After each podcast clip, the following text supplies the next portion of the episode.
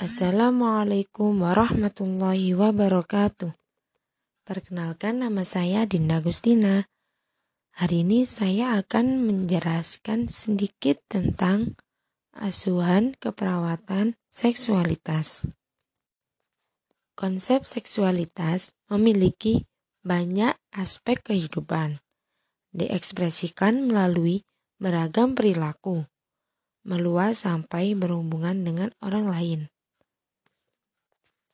Menurut WHO, kesehatan seksual adalah pengintegrasian aspek somatik, emosional, intelektual, dan sosial dari kehidupan seksual dengan cara yang positif, memperkaya dan meningkatkan kepribadian, komunikasi, dan cinta.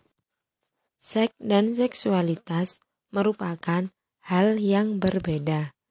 Kebanyakan orang memahami seksualitas sebatas istilah seks. Menurut Zawid tahun 1994, seks sering digunakan dalam dua hal, yakni aktivitas seksual genital dan sebagai label gender atau jenis kelamin.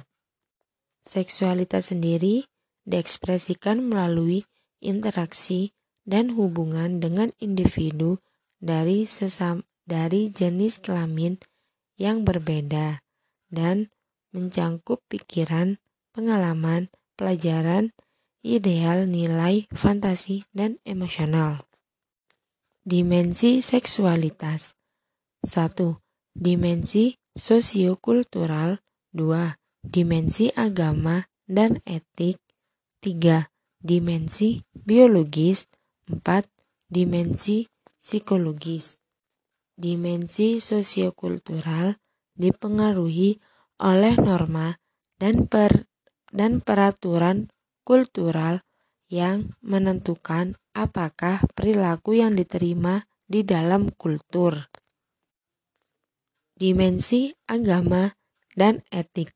Jika kepuasan seksual melewati batas kode etik individu, maka akan menimbulkan konflik internal seperti merasa bersalah dan berdosa. Dimensi biologis merupakan dimensi yang berkaitan dengan anatomi dan fungsional organ reproduksi termasuk bagaimana menjaga kesehatan dan memfungsikan secara optimal. Dimensi psikologis. Seksualitas mengandung sesuatu yang dipelajari.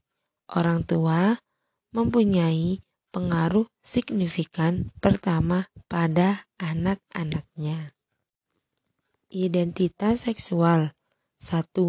Identitas biologis adalah perbedaan antara pria dan wanita ditentukan pada masa konsepsi. 2. Identitas gender adalah rasa menjadi feminin atau maskulin. 3. Peran gender adalah cara bagaimana seseorang bertindak sebagai pria atau wanita.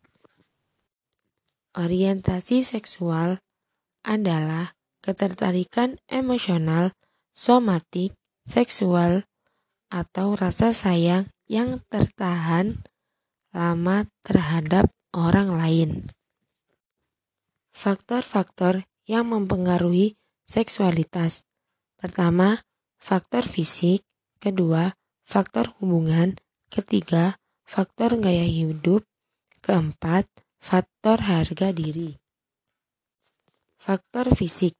Klien dapat mengalami penurunan keinginan seksual karena alasan fisik. Kondisi fisik dapat berubah penyakit ringan atau berat dan citra tubuh yang buruk. Selanjutnya, faktor hubungan. Masalah dalam berhubungan dapat mempengaruhi hubungan seseorang untuk melakukan aktivitas seksual. Tergantung dari bagaimana mereka berkomunikasi dan bernegosiasi. Selanjutnya, faktor gaya hidup meliputi penyalahgunaan alkohol dalam aktivitas seks, ketersediaan waktu, penentuan yang tepat untuk untuk aktivitas seks, dan penggunaan alkohol yang memberikan euforia palsu. Selanjutnya, faktor harga diri. Jika harga diri seksual tidak dipelihara dengan mengembangkan perasaan yang kuat tentang seksual diri dan dengan mempelajari keterampilan seksual, aktivitas seksual mungkin memberikan perasaan negatif atau tekanan perasaan seksual. Harga diri seksual dapat terganggu oleh faktor pemerkosaan, penganiayaan fisik, atau emosi, dan lain-lain. Pengkajian seksual mencangkup riwayat kesehatan seksual, pengkajian fisik, inspeksi, dan palpasi. Beberapa riwayat kesehatan yang memerlukan pengkajian fisik. Identifikasi klien yang beresiko. Riwayat penganiayaan seksual, penyalahgunaan seksual. Kondisi yang tidak menyenangkan seperti luka bakar tanda lahir dan adanya astomi pada tubuh.